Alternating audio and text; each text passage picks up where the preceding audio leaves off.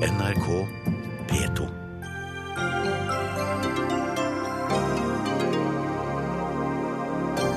Regjeringa vil ha returavtale med Eritrea.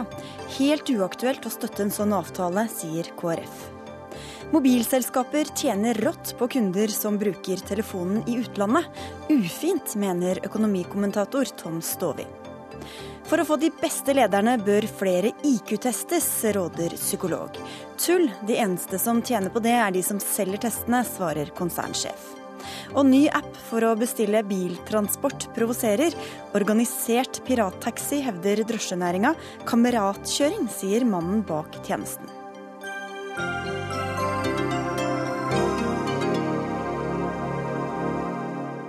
Dette er Dagsnytt 18 på NRK P2 og NRK2, hvor vi også spør om mer oljepengebruk er oppskriften mot eh, økonomiske nedgangstider. Jeg heter Sigrid Solund. Men vi begynner Dagsnytt 18 i Spania, som har hatt en gledens dag i dag, men en veldig trist kveld i går. Spanias VM-eventyr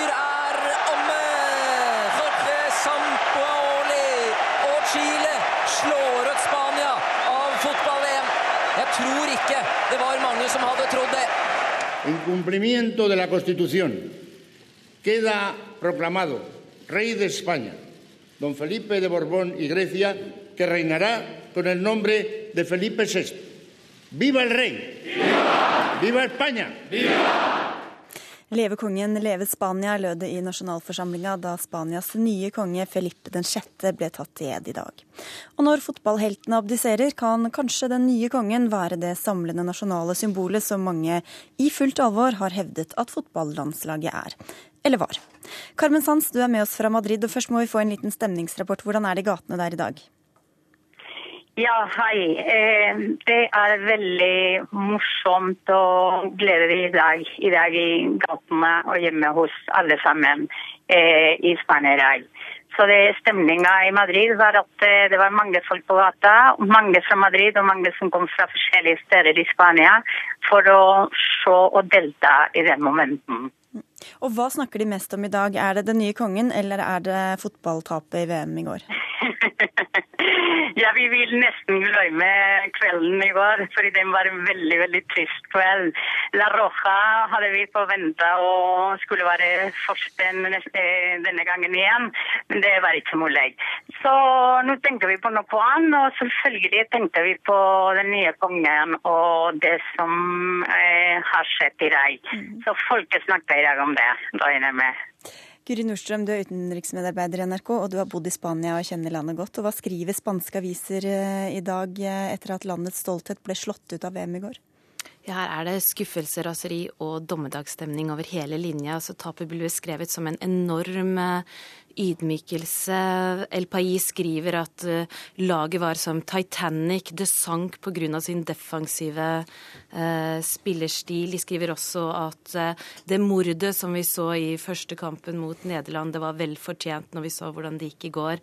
Så vi El Mundo som skriver at laget gjorde feil i sitt livs største test, og at det var en skuffende og angstpreget eh, forestilling. Så det er de eh, krigstypene som går igjen over hele linja. Og så kan de altså trøste seg med en ny konge i dag. Hvordan vurderer du den tiltredelseserklæringen han har holdt?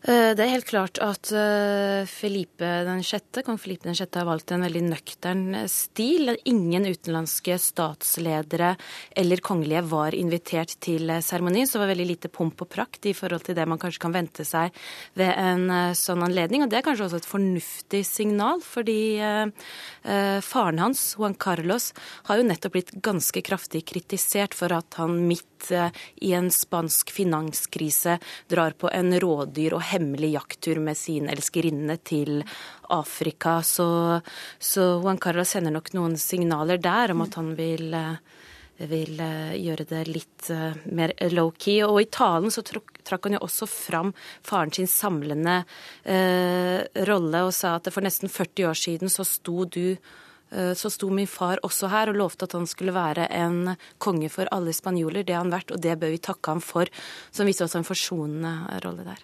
Likevel er det altså mange spanjoler som er misfornøyd med mange forskjellige ting eh, i, ved styresettet. Og José Maria Izquierdo, du er doktor i filosofi og førstebibliotekar ved Universitetsbiblioteket. Og Hva tror du den nye kongen kan bidra med eh, for demokratiet i Spania? Ja, Problemet er ikke den nye konge. Problemet er institusjonen, monarkiet. Og det er mange i Spania, og det blir flere og flere som er for en republikk. Og derfor det abdiserer Juan Carlos i den tida, før sommer, etter europeisk valg. Fordi han skjønte veldig bra at situasjonen i Spania det blir verre og verre, det blir mer radikalisert. Og han symboliserer en Spania som eksisterer ikke lenge. En Spania som folket eh, ser som fortida. Og når jeg sier folket, det er de nye generasjonene. Som eh, føler at de er ikke representert i parlamenten, i Cortes, i Stortinget.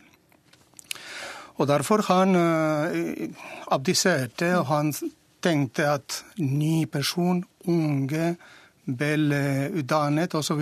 kunne redde institusjoner og uh, forandre litt det politiske livet i Spania. Men jeg tror at det, er, det skal bli veldig vanskelig, fordi de er i, i dyp økonomisk krise. Og mange fattigdommen i Spania øker og øker. Det er De siste statistikker er skremmende. Og eh, situasjonen er eh, egentlig det er veldig farlig. Og republikken for spanjoler representerer frihet, demokratiet, rettferdighet osv. osv. Og oppi denne elendigheten så har de i hvert fall hatt eh, fotballandslaget å se til. Dan Eggen, du har spilt profesjonell fotball i Spania i flere år. Hvor viktig har fotballandslaget vært for spanjolene? Fotballandslaget har vært ekstremt viktig den siste tiden, eller vi snakker om de siste seks-åtte årene, fordi de har gjort det meget godt. Perioden før det så var jo ikke fotballandslaget noe i det hele tatt, fordi de alltid, dro alltid ut med ganske store forhåpninger, men kom alltid hjem som en eh, ja, dette var ikke bra nok gang på gang på gang, selv om de har de to, to av de desidert største klubbene i Europa i Spania, i form av Real Madrid og Barcelona. Men hvor viktig har de vært også samlende da, i et land som ofte er preget av en viss splittelse? Ja, jeg syns det er vanskelig å si nøyaktig hvor viktige de har vært. Men hvis man ser på spanske flagget som symbol, så bærer det, eller det opplevde jeg selv at det bærte så mange sterke minner til Franco-tid osv. Så videre, sånn at det var ikke noe man egentlig gikk og flagget med noe særlig. Men etter hvert som eh, landslaget landslagets opptur kom, så ble det vanlig å se flagg i vinduet på eh, at man viftet med det osv. Ikke minst i, eh, under og før mesterskap. Og det har da bygget opp, eller i hvert fall vært med å bygge opp en stolthet om Spania som nasjon eh, via fotballen. Mm.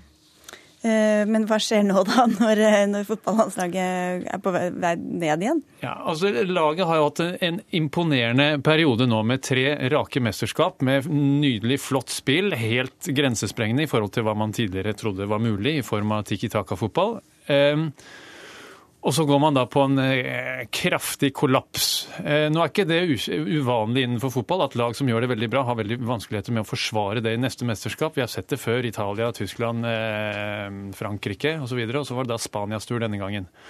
Og da vil det jo nødvendigvis, sånn som vi hørte her i stad, komme krigstyper når det dreier seg om en så stor sport i et land som er så interessert i det. Og så kan man se da om de lange linjene liksom kan trekkes opp, og om man kan videreutvikle den fotballen, eller hva som skjer videre med den. Ja, Dette som har skjedd med eh, fotball, det er som en metafor for hele landet. Fordi selvfølgelig eh, landets lag det var eh, først og fremst basert på Barcelona-spillere. Og når, når Catalonia er ikke med, Spania fungerer dårlig. Det var det, det var det, første. Det andre, i, i en så lang periode, du trenger å forandre din taktikk, dine spilleregler osv. i fotball. Hvis ikke alle kjenner hva kommer du til å gjøre, ikke sant? og da nøytraliserer din, din uh, fotballspill. Det samme skjer med Spania og grunnloven. Grunnloven krever akkurat nå en forandring, fordi hvis ikke det kommer til å bli som to separate virkeligheter. Den eh, politisk etablerte eh, virkelighet og folkelig virkelighet.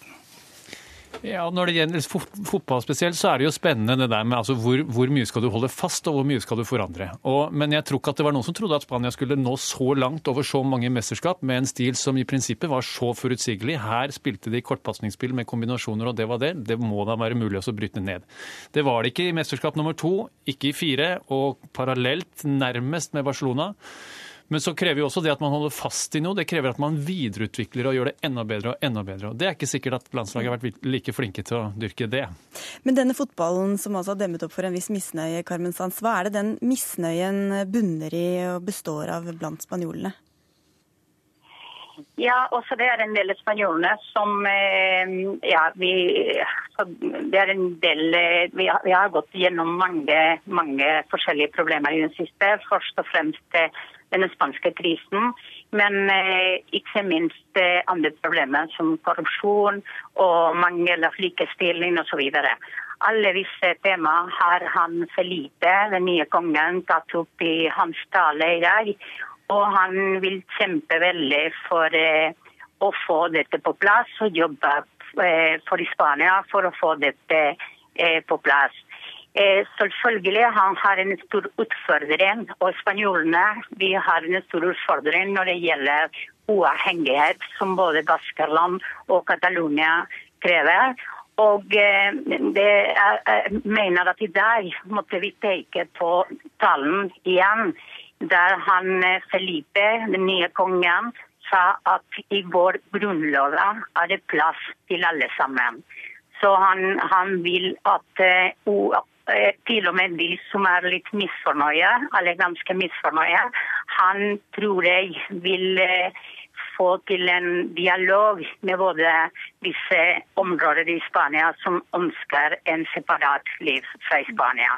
Så dette ser jeg som framtida, at han vil kjempe for det. Og det er, eh, det er en Ja, vi må jo diskutere dette, og så må vi finne en løsning på det. Men tror du Izquierdo, at det holder hvis kongen måtte innføre visse reformer, eller i den grad han kan bidra til det, eller må man eh, rett og slett ta en annen styre for? Nei, det holder ikke, fordi han kan ikke reformere noe. Nei, det er, det er, det er Las Cortes, det er, det er parlamentet. Det er en stor forskjell mellom Juan Carlos og, og Felipe. Juan Carlos hadde makten fra diktatøren, akkurat samme nivå av makten som Franco. Og han gjorde noe som var helt utrolig i våre tider. Det ga den makten for å innføre demokrati i Spania. Men Felipe kan ikke gjøre det, fordi han har ikke noe makt. Og jeg må si noe annet. Det er dette med eh, selvstendighet i Catalonia og Baskerland. De snakker aldri om eh, etablere et monarki i Catalonia eller Baskerland. De er for republikken, men en katalansk republikk, baskisk republikk. Det er noe sånn vi må være obs. Og imens får de i hvert fall håpe at fotballandslaget gjør det litt bedre ved neste korsvei, Dan Eggen. Ja, eh, nå vil jo dette sikkert bli diskutert om man følger VM videre. Og så går Spania sin vante gang med å diskutere spilleroverganger i Real Madrid og Barcelona som viktigste sommeraktivitet. Så klart.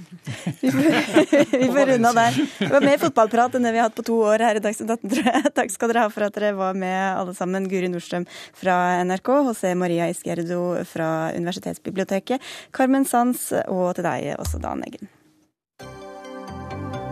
Dagsnytt 18 alle hverdager klokka 18. På NRK P2 og NRK2.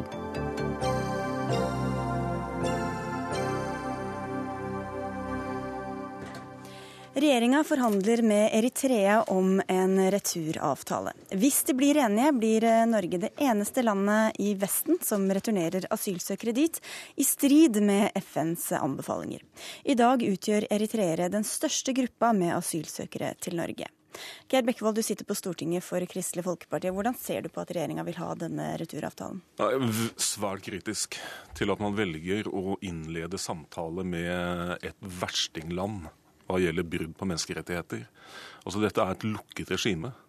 Uh, og det, uh, den lukketheten den har jo skjedd over flere år. Uh, I 2011 så kastet de ut alle humanitære organisasjoner. I dag får vi veldig lite informasjon ut av Eritrea.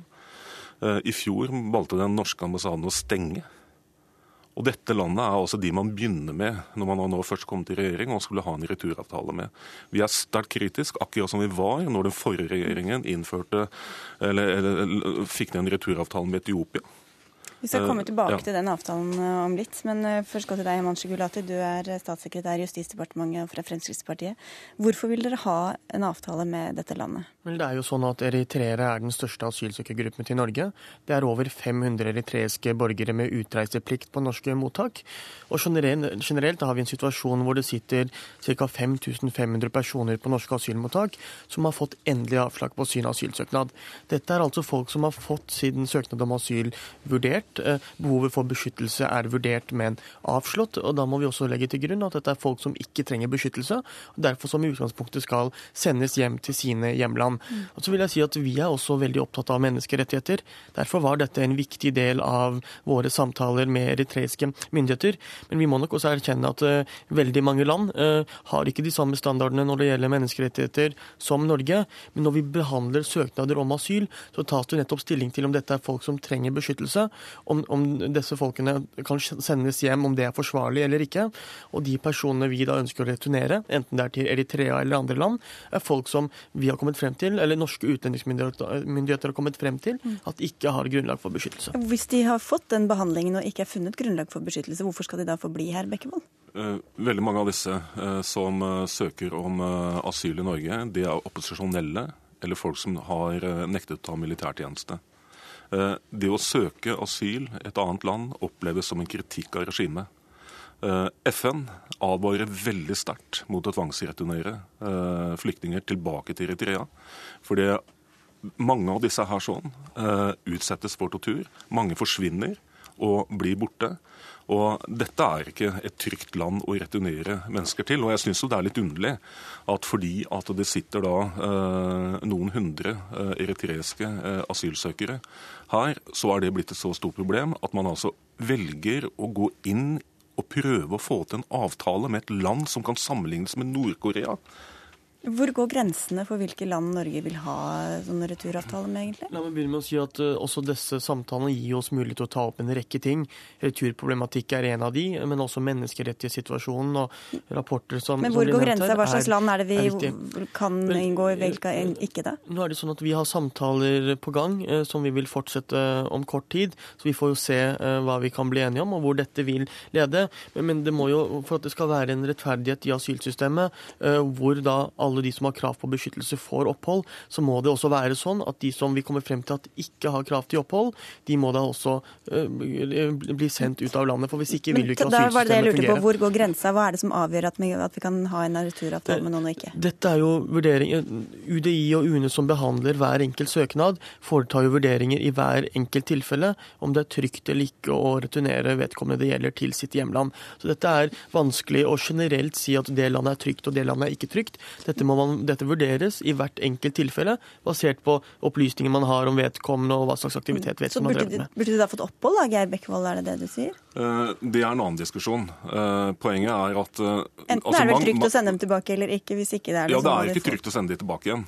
Mange som kommer hit, har da ikke fått opphold. Man kunne ha gjort veldig mye for den situasjonen de sitter i nå, istedenfor å bli sværende på et asylmottak. Man kunne gitt dem flere rettigheter. Men det som er poenget, her, det er at Norge, hvis vi skulle innført en sånn ordning, så ville vi vært det eneste vestlige landet som ville ha returnert mennesker tilbake til Eritrea. Man har valgt å ikke gjøre det, fordi at man lytter til de eh, som er eksperter på dette, lytter til FN. Vi får klare indikasjoner på at det er farlig å returnere folk tilbake igjen dit. Mm. Og vi ville ha blitt en versting. Men de skal ikke få opphold nødvendigvis heller, de skal bare få det bedre mens de sitter her og venter på å kanskje få reise hjem. Diskusjonen rundt papirløse den har vi hatt i mange år.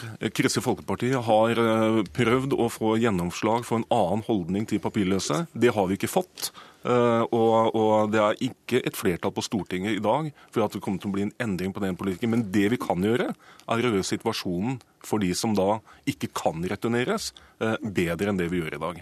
Du nevnte Etiopia, du skal få svare etterpå, Gulati, men vi skal få inn noen erfaringer derfra. Katrine Eide, du er returekspert ved Fredsforskningsinstituttet PRIO, og du har skrevet en artikkel på NRK Ytring der du trekker paralleller mellom denne mulige avtalen og den som ble inngått med Etiopia i 2012. og Hvilke likheter ser du der? Det er jo en del likheter, men den første som kanskje er mest påfallende her i Norge, det vil jo bli at dette kommer til å bli en opphetet debatt som omhandler asyl og måten vi asylinstitusjonen er i Norge. Eh, men det er jo òg stor likhet fordi at Etiopia er et land som kritiseres for sitt autoritære regime, i likhet med Eritrea, som Bekkevold eh, påpeker. Eh, men samtidig så er det jo da usikkert hva som faktisk vil være innholdet i denne returavtalen. Det er forskjeller mellom Eritrea og Etiopia. Og i, når denne avtalen med Etiopia ble framhandlet i 2012, så var det jo da både omhandling av frivillig assistert retur og tvangsretur. Nå ser vi at den, det programmet for frivillig assistert retur det har begynt å fungere, men tvangsretur har ennå ikke blitt igangsatt. Og nå er det to og et halvt år siden avtalen ble laget. Så man kan jo spørre seg om det samme kommer til å skje dersom de nå klarer å framforhandle en avtale med Eritrea. Altså det er veldig få som har blitt sendt tilbake mm, med tvang? Ja, det er veldig få. Men Hvorfor er det ingen, sånn? da? Jo, for ingen er sendt tilbake som en del av avtalen. Eh, politiet har uttransportert noen, men det er etiopiere med særskilte behov som har trengt assistanse av politiet. Det som var en del av avtalen, med Etiopia, var at etiopiske myndigheter skulle gi ut identitetsdokumenter til norsk politi, sånn at norsk politi kan uttransportere de. For det kan de ikke med mindre de har eh, dokumenter mm. eh, på sin identitet. Som en del av den aftenen så skulle Etiopia gi ut de identitetspapirene, og det har ikke skjedd. Og da er spørsmålet Gulati, hva vi skal med en sånn avtale hvis den ikke fungerer og ingen blir sendt tilbake? Det er sånn at De som får avslag på sine asylsøknader, mener denne regjeringen at også skal transporteres ut av Norge i, de tilfellene hvor det er trygt. Derfor har vi også økt ambisjonen kraftig sammenlignet med den forrige regjeringen. Vår ambisjon, men ikke handlingen? Ja, vår eller? ambisjon er at i år så skal 7100 personer sendes ut av landet, av de som enten er straffedømt eller har avslag på sin søknad. Det er en økning på 45% sammenlignet med de rød-grønne. Og uttransporteringene hittil i år viser også at eh, det er en stor økning. eh, Fordi vi mener at de som, de som har krav på beskyttelse, de skal få bli i Norge. Men får du avslag, da har man faktisk vurdert at det er trygt at du returnerer til ditt hjemland. Jeg må bare si en liten ting. Altså, vi også har ambisjoner om at flere, kan, flere skal returneres. Har man fått uh, avslag, så er poenget at da skal man reise tilbake igjen. Men jeg syns det er underlig at man, uh, man, Altså dette her blir litt sånn retorikk. Hvem er flinkest i klassen til å returnere? Uh, men det denne saken handler om, er jo at man prøver å inngå da en returavtale med et verstingland hva gjelder brudd på menneskerettigheter. Og, altså, Kristelig Folkeparti er også for at vi skal eh, prøve å få til flere returavtaler. Men hvorfor begynner man med det verste landet? Det forstår jeg ikke. Og så tilbake til en, Dette er også viktig. Den forrige regjeringen var de som fikk til returavtalen med Etiopia. De fulgte opp med å prøve å få til en returavtale med Eritrea 2012. Det ga de opp, og begrunnelsen var nettopp eh, brudd på menneskerettigheter. Og jeg lurer på, Hva slags ny kunnskap sitter dere med, som gjør at dere kan følge opp og, og som går på tvers av alle anbefalinger fra FN og andre organisasjoner. Nå vil ikke jeg gå inn i hva vi har pratet om i om at vi har samtaler i gang, men det jeg vil si, det er at både menneskerettighetsbiten og mange av de tingene, bekymringene som eh, Geir Bekkevold tar opp, er ting som også er, eh, vi tar opp i våre samtaler, og som er ting vi er opptatt av, og som vi er opptatt av å finne gode løsninger på. Men Kan du være sikker på at dere ikke sender, dersom folk faktisk blir sendt, at ikke de blir sendt tilbake til vold, tortur, drap? Vi gjør eh, disse samtalene på en grundig og god måte, som vi gjør med alle andre land. Nettopp for å sørge for at i de tilfellene man mener det er forsvarlig å sende folk tilbake, så skal også de med endelig avslag returneres igjen. Eide. En av årsakene med å inngå denne typen returavtaler er jo, som Gulati påpeker, at det er viktig å beskytte asylinstitusjonen i Norge og generelt i verden. Så Derfor så vil man da tvangsreturnere mennesker for å gi sende et bilde av at dersom du ikke har et reelt beskyttelsesbehov, så får du ikke bli her. Du får ikke opphold som flyktning. Men allikevel dersom man sender denne, disse tilbake og sender dette her, denne beskjeden ut, så gir det jo da dette bildet til de reelle asylsøkerne òg. De som har et behov for opphold. Og dermed så vil ikke de velge Norge å dra til pga. at vi er et restriktivt land. Det er vel kanskje noe av det dere prøver å oppnå, men uh, vi, får ta, vi, får følge opp denne saken ved en senere anledning. Nå er vi tom for tid, men tusen takk skal dere ha for at dere kom til Dagsnytt 18. Himanshu Gulati, Geir Bekkevold og Katrine Eide.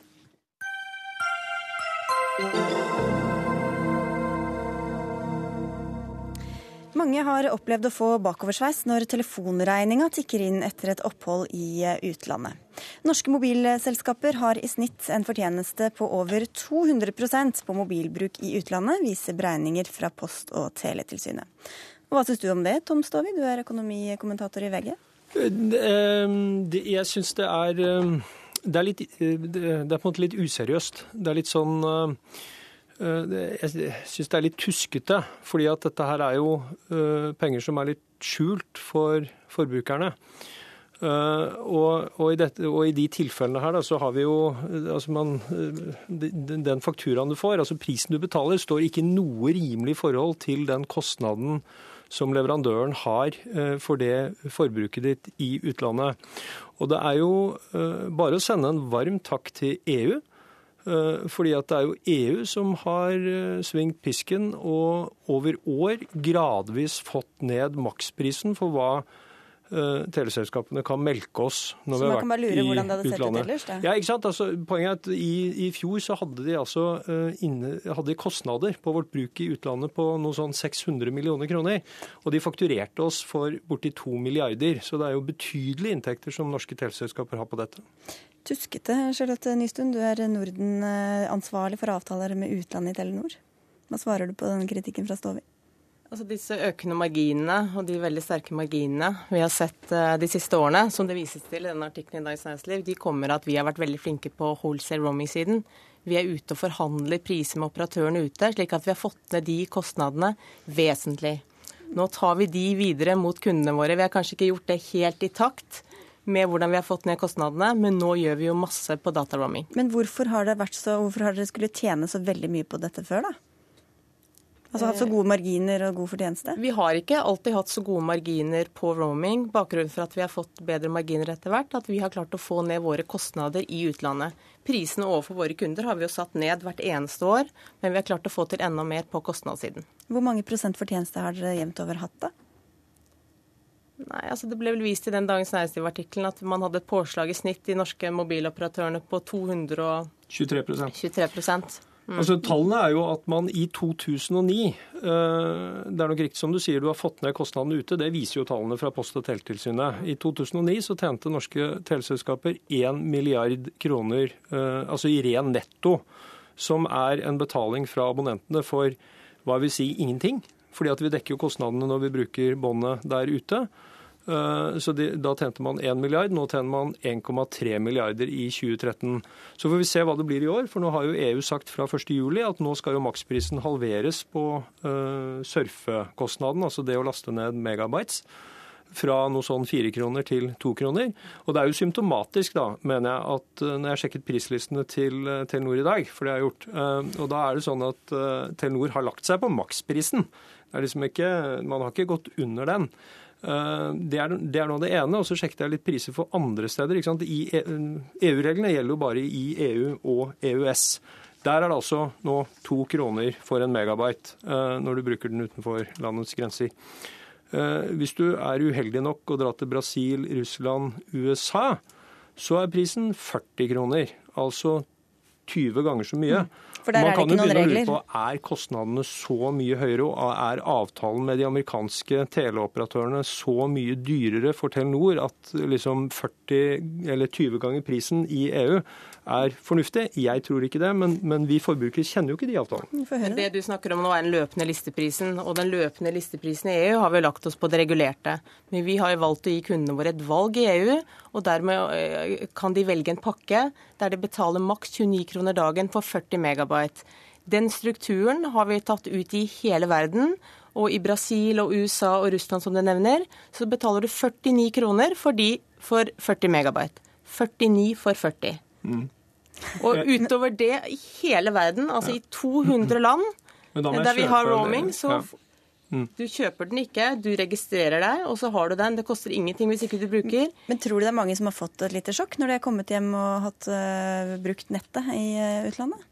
Nå har vi i mange år hatt uh, da, datakontrollmekanismer. og Det ble også innført fra EUs side, men den har vært gjeldende i hele verden nå i flere år.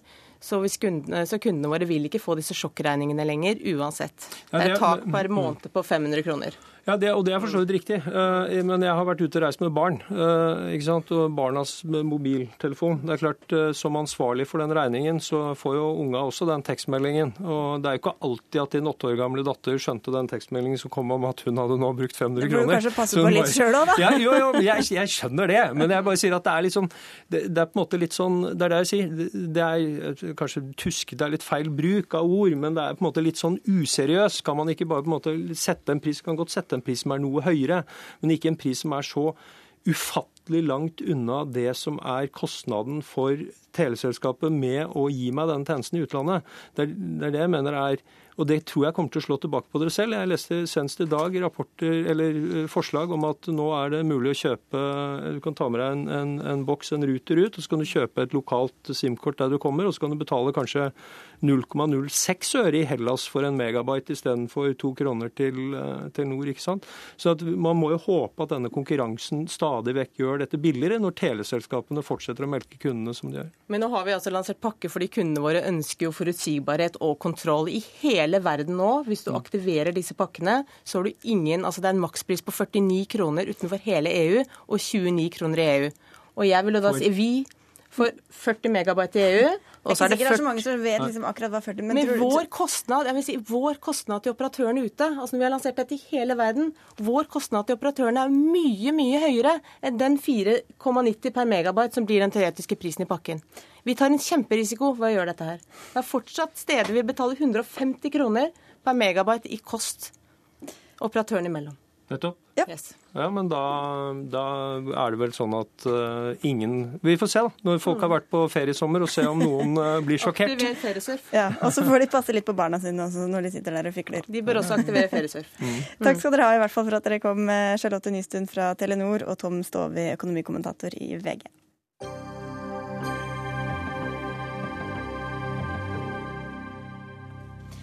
Dagens eh, rentemøte bød ikke på noen eh, store overraskelser. Norges Bank holder styringsrenta uendret på 1,5% Samtidig har Statistisk sentralbyrå varslet at oljenæringa kommer til å bruke betydelig mindre penger på investeringer neste år.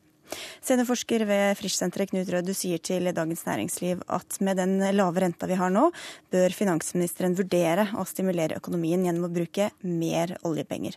Hvorfor kan det være fornuftig? Jeg understreker at Det vi snakker om her, det er en situasjon hvis arbeidsledigheten i Norge nå viser seg å øke utover høsten og, og, og vinteren, slik mange nå frykter, bl.a. pga. denne reduksjonen i, i oljeinvesteringene. Hvis vi kommer i en sånn situasjon, så mener jeg det er bedre å da bruke det vi kaller for finanspolitikken, altså bruke mer eh, penger eh, inn i norsk økonomi, enn å sette en ekstremt lav rente enda lavere, med den risikoen det innebærer for eh, ytterligere finansielle bobler, økning i boligpriser som til syvende og sist kan sprekke osv.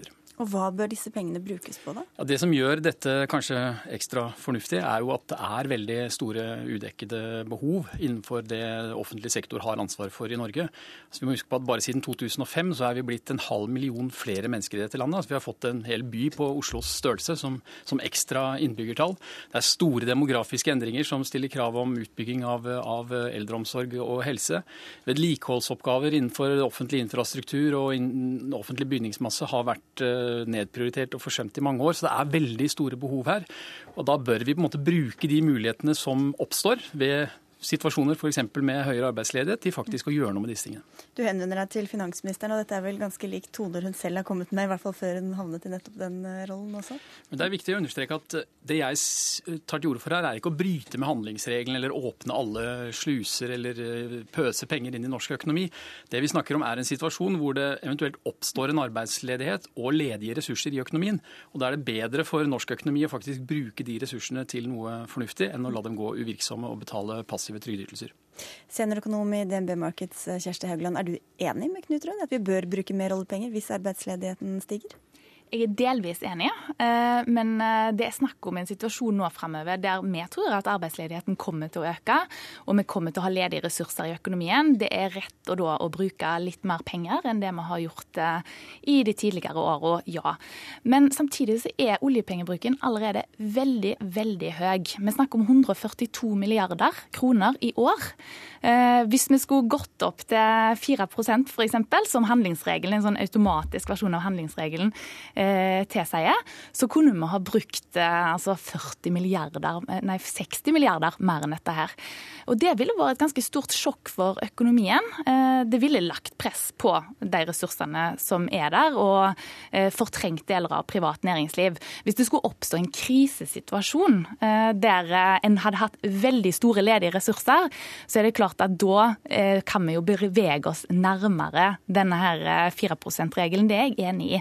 Men det er viktig å ta hensyn til det at politikk skal handle om prioritering mellom gode og ikke fullt så gode prosjekter, og prosjekter som kanskje ikke har så stor samfunnsøkonomisk lønnsomhet, men kanskje andre typer verdier som kommer inn i debatten. Jeg tror ikke, dessverre, at beslutningene og prosjektene blir bedre, og at nødvendigvis de aller beste prosjektene, de mest lønnsomme prosjektene for nasjonen, blir valgt ut hvis vi bare åpner pengesekken mer. Jeg tror vi har nok handlingsrom å prioritere innenfor. Er det en frykt du deler, da, Redd? Altså, Norge er jo i den gunstig situasjon eh, sammenlignet med veldig mange andre land nå, at vi faktisk har eh, muskler til å bruke finanspolitikken til å styre økonomien. Altså, når man satser på renten, og renten som eneste virkemiddel i konjunkturpolitikken ellers i verden nå, så er det jo fordi at alle statene stort sett går med gigantiske underskudd. Vi er i den situasjonen at vi faktisk har muligheter til å føre en mer balansert politikk. Vi har to virkemidler, og det er fornuftig å bruke begge to. Hvis vi utelukkende skal møte den, de konjunktursvingningene vi står overfor med, med, eventuelt lavere rente, så står vi i fare for å skape stabilitet nå på bekostning av ny ustabilitet eh, i framtida. Vi bør forsøke å finne en mer balansert løsning. For du advarer mot å senke renta ytterligere? Altså, renten er allerede ekstremt uh, lav, uh, på 1,5 prosent, og det er utsikter til at den kommer til å ligge lavt veldig lenge. Men det jeg advarer mot, det er å tenke at ved enhver ytterligere svekkelse av den økonomiske situasjonen i Norge skal bare møtes med det ene virkemidlet. Nå er det sånn at I år så er penge, nei, finanspolitikken ekspansiv. Det vil si at finanspolitikken den bidrar til å øke veksten i norsk økonomi, sånn som man skal gjøre i en lågkonjunktur. Eh, sånn har finanspolitikken vært helt siden 2011. Da hadde vi ett år med innstramning. Eh, I norsk sammenheng så var det en innstramning. For veldig mange andre land så ville den betegnelsen vært eh, litt pussig. Men når det gjelder pengepolitikken, så kan jeg være enig i det at hvis det hadde vært sånn at ting utvikla seg veldig forskjellig i en økonomi. F.eks. For at forbruket, boligprisene, stakk helt av, mens andre deler av norsk økonomi eh, sleit med problemer. Så kunne det være mer for, formålstjenlig å la være å sette renta ned ytterligere. Nå er vi i den situasjonen at eh, alle deler av norsk økonomi går omtrent på samme takt. Eh, en ganske laber takt til norsk økonomi å være. Eh, og boligprisveksten har definitivt gått ned i forhold til tidligere år. Så de risikofaktorene de vises, vises nå å være vesentlig mindre, altså mindre enn det de var i de foregående årene. Så jeg syns ikke det at vi skal avskrive renta som et virkemiddel. Jeg syns renta er til for å brukes. For så den kan oss... gå ytterligere ned? Eh, jeg mener det at Hvis det er nødvendig Akkurat nå så mener jeg ikke at det er nødvendig å sette ned renta, men hvis eh, situasjonen forverrer seg, så er det helt klart at vi har rom i pengepolitikken til mm. å stimulere økonomien mer, uten at vi skal være redd for det. Altså jeg ser heller ikke bort fra at det kan bli aktuelt å, å, å sette renten ytterligere ned. Og, og, det vil spesielt være i en situasjon der eh, kronekursen f.eks. blir så, så, så, sterk at det er nødvendig å gjøre det for å unngå en svekkelse av, av eksportrettet industri. Men jeg er ikke enig i den grunnleggende vurderingen her at eh, offentlig sektor allerede bruker for mye eller veldig mye, mye penger. Jeg tror hoved, altså Hvis vi ser noe framover i norsk økonomi, så er et av hovedproblemene at vi har enorme behov for å bygge ut deler av, av, av offentlig sektor, da spesielt infrastruktur, eldreomsorg, utdanning, eh, skole, helsevesen hvor så vidt jeg skjønner alle stort sett er enige om at det er behov for, for en, del, en, del, forbedringer. Det er mye etterslep, og vi har denne veldige befolkningsveksten som gjør at, at det er vanskelig å henge tritt med, med, utviklingen på disse områdene. Så vi skal opp. Det skal brukes mer ressurser innenfor offentlig sektor. Etter hvert må sannsynligvis også skattenivået opp for å klare å, å, å finansiere dette på en, på en, god måte. Men, men fall, vi kan i hvert fall bruke de åpenbare anledningene som konjunktursvingningene gir, til å få, få fart på disse viktige oppgavene. Ja, Det er definitivt eh, store behov fremover, det er jeg helt enig i. Forskjellene forskjellen her eh, er at jeg mener at en bedre måte å løse dette her på, er å prioritere innenfor de gjeldende rammene. Mm. Fordi handlingsrommet er nå i ferd med å bli ete opp. Fordi utgiftene, som Knut Rød òg snakker om, kommer til å øke betraktelig fremover. Og da tror jeg at å åpne pengesekken mer for oljepengebruk, det kan bare gjøre situasjonen verre ved senere anledninger. Det vil vi jo ikke, vil vi vel? Nei, jeg tror som sagt at uh, dette er en utvikling som vi må ta gradvis. Vi vet at behovene på disse områdene kommer til å, å, å, stige markert. Det er ikke noen god strategi å vente til problemene melder seg før vi forsøker å, å gripe fatt i dem. Det er behov, særlig for mye investeringer innenfor offentlig sektor. Det er engangsutgifter som ikke nødvendigvis behøver å drive opp de offentlige utgiftene på lang sikt. Kanskje tvert imot. For det er noen grad også investeringer som kan, kan spare utgifter på lengre sikt. Det kan hende du får med deg eh, Siv Jensen på økt oljepengebruk men økte skatter skal sitte vel litt lenger inne, kanskje. Ja, og det kommer nok til å bli et betydelig problem etter hvert. Vi får ta den debatten også en annen gang. Tusen takk skal dere ha for at dere kom til Dagsnytt 18, Knut Rød fra Frisch-senteret og Kjersti Haugland fra DNB Markets. Hør Dagsnytt 18 når du vil. Radio NRK.no. Må man være intelligent for å bli en god leder, og bør flere lederkandidater testes for IQ og evner? Det mener en vi snart skal høre fra, men først til en som advarer mot å citat, la fagfolk med overdreven tro på IQ-tester styre framtida. For det sier du i Dagens Næringsliv, Per Kalenius. Du er konsernsjef ved Anker STI, og også psykolog og økonom. Og hvorfor denne advarselen? Nei, alt som kan brukes, kan misbrukes. Og er, sånn er det med IQ-tester òg. Det, det, er så lett å tenke at det løser alle ting. Og gjennom historien så har IQ-tester vært brukt til veldig mye rart. Uten at det har vært altfor en fin historie, alle de historiene der. Og i dag så syns jeg eh, det går sånn i perioder, og så er plutselig så skal alle IQ-testes. Og nå er det på ledere da, i, i Norge. Og sånn som jeg har jobbet ja, over 20 år i norsk næringsliv, både som rekrutterer og som sjef, og ledet mange ledere og valgt mange ledere ut og inn. Og problemet er ikke intelligens. Det er helt andre ting som er problemet. Det er personlighetsforstyrrelser og beslutningsvegring. Så da hjelper det ikke med IQ-tester for Nei. å skalte de. Espen Skårstad, du er spesialist i arbeids- og organisasjonspsykologi og administrerende direktør i Cute Norge, et firma som selger disse psykologiske testene. Hva svarer du på denne advarselen? Nei, altså jeg tenker Før vi begynner å diskutere selve testene, så kan det være greit å bli litt enige om hva egentlig intelligens handler om. Uh, og en vanlig forståelse av intelligens dreier seg om at det er en generell mental kapasitet som sier noe om i hvilken grad vi er i stand til å lære raskt, til å løse nye problemer og ta med oss tidligere erfaring inn i nye situasjoner. Og Intelligens er noe som er viktig for alle, i alle jobber og alle aldre, nær sagt. I hvert fall for ledere, som er det vi diskuterer nå. Jeg prøvde å tenke litt utenfor eh, her i stad og prøvde å finne ut hva slags type lederstillinger er det som, hvor intelligens ikke er viktig. Og jeg tror det må være viktig for alle ledere. Jeg tenkte at nå skal jeg sette meg på et fly til Frankrike. Foran i det flyet så sitter en leder. Ønsker jeg at den personen som sitter forrest i det flyet, er intelligent, tar riktige beslutninger og har god dømmekraft underveis. Eller for den saks skyld, vi har et sykehus som ikke ligger langt unna Marienlyst her. Tenk deg en kirurg. Ønsker vi at kirurgen på operasjonssalen er intelligent, kan bruke kunnskapen sin i settingen og løse uforutsette problemer? Det er det ingen tvil om. Intelligens er viktig, sånn jeg ser det, på tvers av yrker. Men klarer den testen å fange opp alt det, da? Eh, jeg tenker vel som så at En intelligenstest kan ikke fange opp alt som er viktig. Men i rekrutteringsøyemed så er betydningen av intelligens ganske undervurdert. Vi har en lang historikk på at vi snakker med mennesker, vi intervjuer dem, og vi bruker masse personlighetstester. Men spesielt her i Norge så har kanskje bruken av intelligenstester vært ganske liten. og Det var vel også litt av utgangspunktet for denne debatten, nemlig det at professor Thomas Hoff ved Universitetet i Oslo går ut i Dagens Næringsliv og sier at dette er underlig. For dette er i, går på tvers av den forskningen vi har på feltet. Derfor anbefaler han nettopp den type bruk. Men hva frykter du kan skje da, hvis man legger for stor vekt og, og bruker, begynner å bruke flere og mer av disse testene?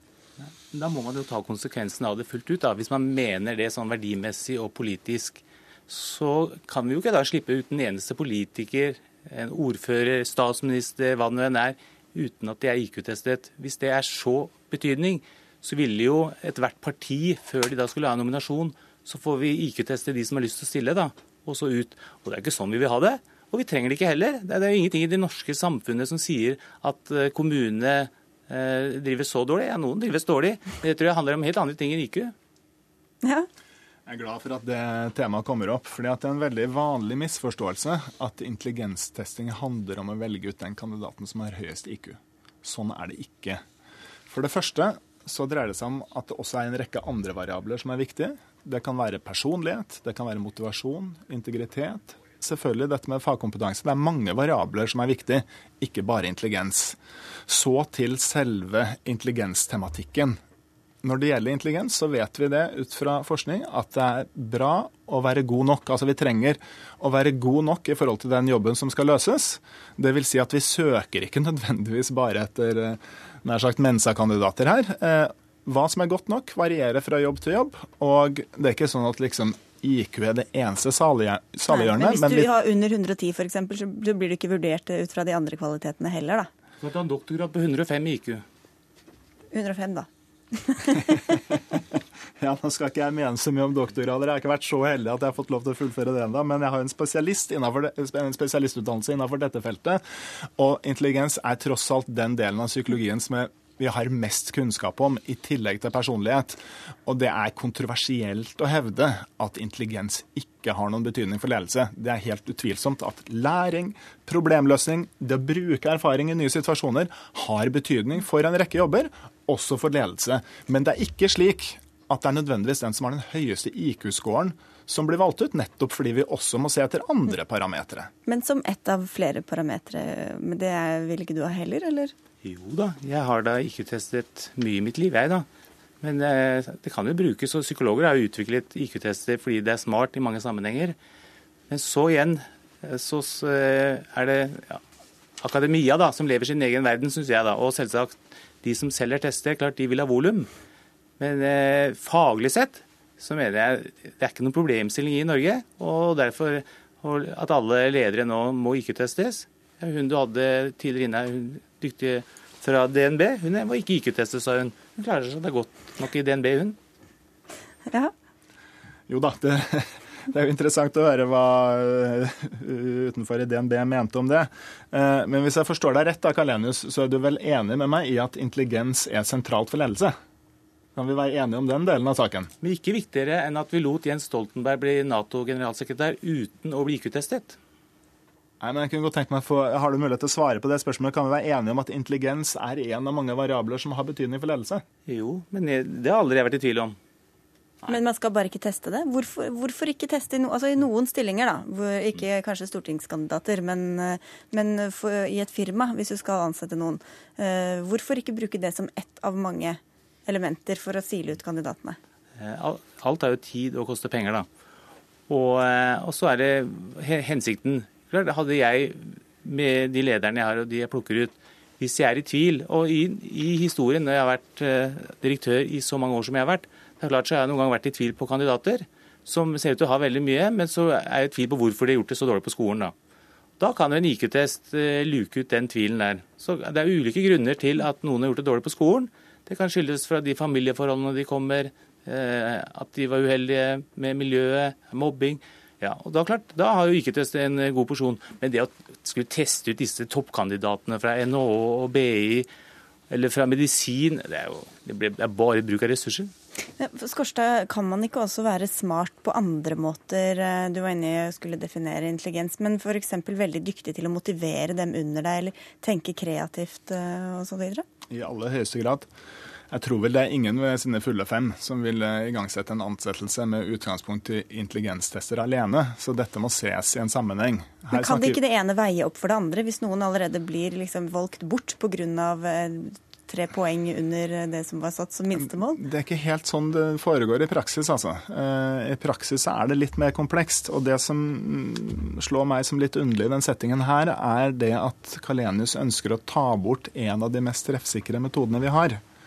Og det er godt dokumentert at nettopp dette med evner, problemløsning, ta gode beslutninger osv. osv. er viktig, også for ledere. Men ikke bare for ledere. Det er klart det er viktig for masse spesialiststillinger også. Og det høres kanskje litt mer mystisk ut enn det det er, men det er ikke så veldig komplekst. Men, men, er det mange feilansettelser i dag der hvor man ikke bruker det?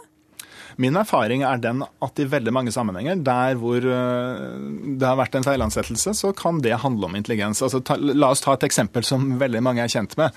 Nå er fotball-VM på gang, og en av verdens største fotballklubber hadde en ekstremt intelligent eh, leder tidligere, sir Alex Ferguson i Manchester United.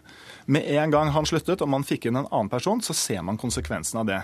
Intelligens henger sammen med resultatoppnåelse, det henger sammen med effektivitet, og det henger sammen med trivsel. I dette tilfellet hos spillerne, men det er også noe folk merker rundt omkring på arbeidsplasser. Men det beviset holder ikke helt eh, for deg, kanskje? Nei, det var jo synd for eh, United, da. Vi får konkludere med det og takke for at eh, dere kom, Espen Skorstad og Per Kalenius.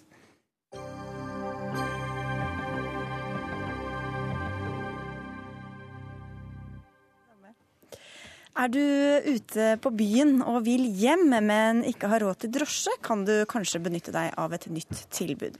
Haxi, en ny norsk mobilapp og en nettside, har skapt mye debatt. Systemet organiserer det de kaller kompiskjøring, og oppfordrer passasjerene til å dele kostnadene på bensin og bompenger, og heller tipse sjåføren for bryderiet. Alexander Sønder, du er prosjektleder i Haxi, og hvordan virker dette? Det virker på den måde, at vi har lavet en tjeneste som virker på app og virker som hjemmeside, hvor at passasjerer og chauffører som har transportbehov, kan møte hinanden og arrangere transport. Så det er en ny form for samkøringstjeneste, øh, hvor at brugerne deler transport. Hmm. Men uh, som ikke er kommersiell, du betaler ikke som, som en drosje? Nei, sånn er det ikke som det er i dag. Mm. Det vi anbefaler, det er nettopp for å komme utenom uh, de her drosjeregler og løyvesystemer, at man øh, deler transportkostnadene, og at man så tipser sjåføren efterfølgende. Ja, og Dette er dere veldig kritisk til, Glenn Tuksen. Du er landsstyremedlem i Norges Taxiforbund. Hvorfor det? Jo, fordi at vi ser at dette er illegal drosjevirksomhet. Vi har mange eksempler. Jeg har vært på nettet i dag og plukket ut en del eksempler hvor man er ledig for oppdrag. Jeg kan ta med skaphenger hvis det er behov for det. Jeg kjører fredag, lørdag kveld man eh, går ut og, og, reklamerer for når man er i tjeneste. Og da er dette en illegal drosjevirksomhet, mm. mener vi. Mm. For det er ikke snakk om her at det er liksom eh, Guri skal kjøre fra Haugesund til Bergen og lure på om eh, noen skal sitte på? Nei. Altså det, det, kan man også godt bruke tjenesten til. Um, men vi har arbeidet med hva skal man si, long distance uh, ridesharing i mange år i Nord-Europa. Uh, og vi kan se at vores brukere etterspør Øh, mer spontane og impulsive løsninger til å dele transport øh, på kortere distanser. Øh. Men Hvordan skiller da dette seg fra at en pirattaxisjåfør kjører rundt i bilen sin og mm. liksom plukker opp noen som trenger å kjøre et sted? Uh, altså jeg tror i, i, forhold til begrepet pirattaxa, der er det utdatert i forhold til uh, den situasjonen vi har i dag. Fordi vi har internett og vi har sosiale medier hvor vi opererer med virkelige identiteter øh, hvilket fjerner øh, hvad skal man sige, det, det, det fjerner pirattaxa-elementet i tjenesten, fordi taxaer står på taxiholdepladsen, og pirattaxaer står på parkeringspladsen bagved.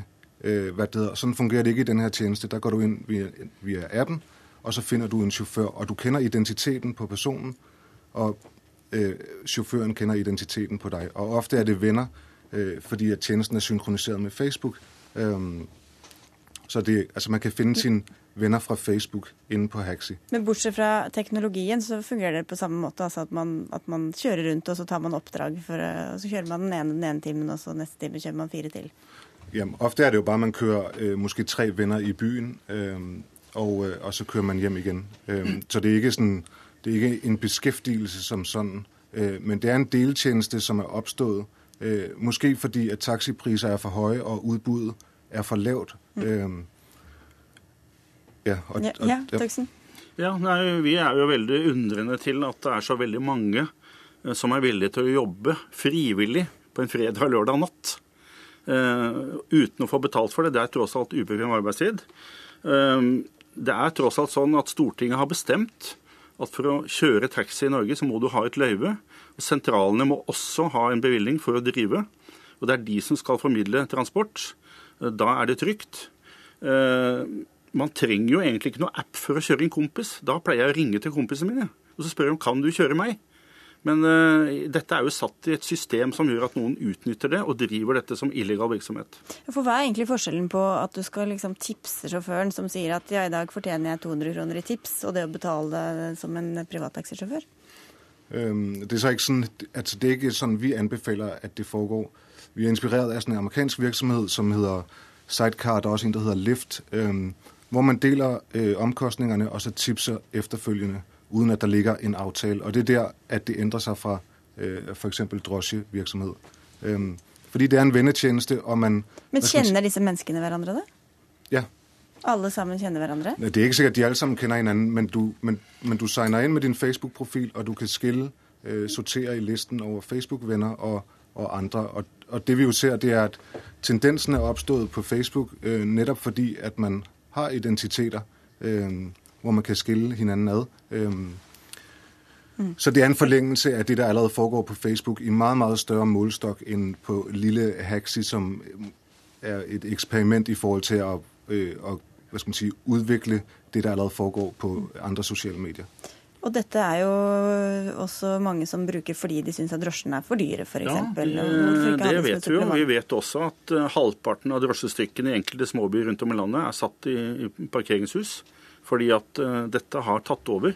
Ungdommen kjører billig. Og de som lever av drosjevirksomhetene i disse byene, de, de må faktisk ta fri. For det er ikke kjøregrunnlag. Og så er det dette med tips. Vi er pålagt av skattemyndighetene å oppgi tips, betale moms av det og eh, vi skal betale arbeidsavgift av den tipsen som våre sjåfører får. Men det, Kan det være viktigere at ungdom kommer seg trygt hjem fra byen, enn at uh, drosjesjåfører har nok å gjøre hele døgnet? da? Ja, Ungdom kommer seg trygt hjem fra byen hvis man gidder å dele en drosje hjem. Da blir det, dette ikke noe dyrere enn at man sitter på en kompis. Det er vel ikke alle som bor samme sted heller? da? Nei, det er det ikke, men tross alt så er dette den måten som, som Norge har um, skal drive drosjevirksomheten under. Det er Stortinget som har bestemt at sånn er det. Og det er, eh, I mange byer rundt i landet og mange småsteder så er det maksimalprisforskriften som gjelder. Det er samfunnet som bestemmer hva det skal koste å ta taxi. Og Hva tjener dere på dette da, i Haxi? Det er ikke noen eh, forretningsmodell koblet på tjenesten som det er nå. Så det er mer et eksperiment i forhold til å se hvordan man kan lage noen løsninger i fremtiden som tilgodeser de behov øh, som er i utkantstrøkene, hvor at øh, taxiudbuddet er, er, er lavt, og folk, har, folk bruger jo det her fordi at der er et reelt problem i forhold til å komme hjem fra byen, f.eks. Um, og det har noe med pris å gøre, men det har også noe med udbud å gøre. Men, men, hvordan kontrollerer dere da, og f.eks. sjekker at folk er dem de sier de er, uh, i tilfelle noen f.eks. opplever noe ubehagelig i den bilen? Mm. Altså, i, i, dag gjør vi ikke mye mer enn det der allerede foregår på Facebook. Så vi er egentlig inspirert av at vi kan se at det her det foregår på Facebook øh, på en på en fornuftig måte, hvor folk øh, hvad skal man sige, hjelper hinanden på vennskapelig vis. Øh, og det har vi så tatt et skritt lenger ut øh, og puttet det inn i en app. Øh, men i prinsippet er det det samme som foregår på Facebook. Du, ja, og, og, du sier det er vennetjenester, men det er jo som, som, vi var inne på, folk som reklamerer med at jeg kjører billig. Uh, mm. Kan ringe meg her, jeg kjører fredag kveld og lørdag kveld. Og det er vi selvfølgelig meget oppmerksom på. Vi anbefaler i våre retningslinjer at man, at man ikke uh, hva skal man si, bruger den uh, talemåde. Og når folk sier de kjører billig, eller de kjører de snakker om pris osv., så, videre, så går vi inn og tar fatt i brukeren og så sier at det er ikke det der er meningen med denne tjeneste. Mm. Så på den måte så prøver vi liksom å, å utdanne folk. Men, men, tjenesten er ung, så øh, altså sådan en debatt som vi har her, er jo riktig god i forhold til å kunne skape et øh, fremtidens transportsystem for utkantsområder. Øh, Hva frykter du skjer da, hvis dette brer om seg? Dette, øh, hvis dette brer seg utover landet, så, øh, så blir drosjeparkene borte rundt i de små stedene. For dette tar helt over. Og man kan jo undre seg over at man, man, driver en legal virksomhet, men man blir faktisk eh, skviset av illegal virksomhet. Og man har jo akkurat hatt en gjennomgang av vaskehallen i Oslo, hvor man har avdekka at folk jobber for 19 kroner timen. Kan man kalle det tips òg, da? Så er det liksom legalt. Det går jo ikke an. Men vil dere anmelde dem til politiet, da? Ja, Det blir opp til eh, tekstsentralen å vurdere. og Vi i forbundet vil nok også vurdere om eh, for, Fordi at disse appene finnes jo i alle taxisentraler i dag, og det er de som har fått konsesjon til å drifte dette. Og hva gjør dere da, hvis dere blir politianmeldt? Um, altså jeg har skrevet til Taxiforbundet og sagt at jeg syns egentlig taxaselskapene har en stor mulighet for å være med til å definere fremtidens uh, hva skal man si, transportsystem. Uh, Så jeg vet ikke politianmeldelser osv. Jeg syns det er, det, det er en, en destruktiv måte å, å, forholde seg til et samfunnsproblem Man politianmelder de som uh, driver virksomheten, og politianmelder en app. Det er jo ikke hensikten. Nei. Men uh, selskapet har disse appene, så bruk dem. Vi får si takk til dere, Glenn Tuxen og Alexander Sønder, for Dagsnytt 18 er over for i dag. Det var Alf Hartken som hadde ansvaret for den. Teknisk ansvarlig var Lisbeth Sellereite, og i studio satt Sigrid Solund.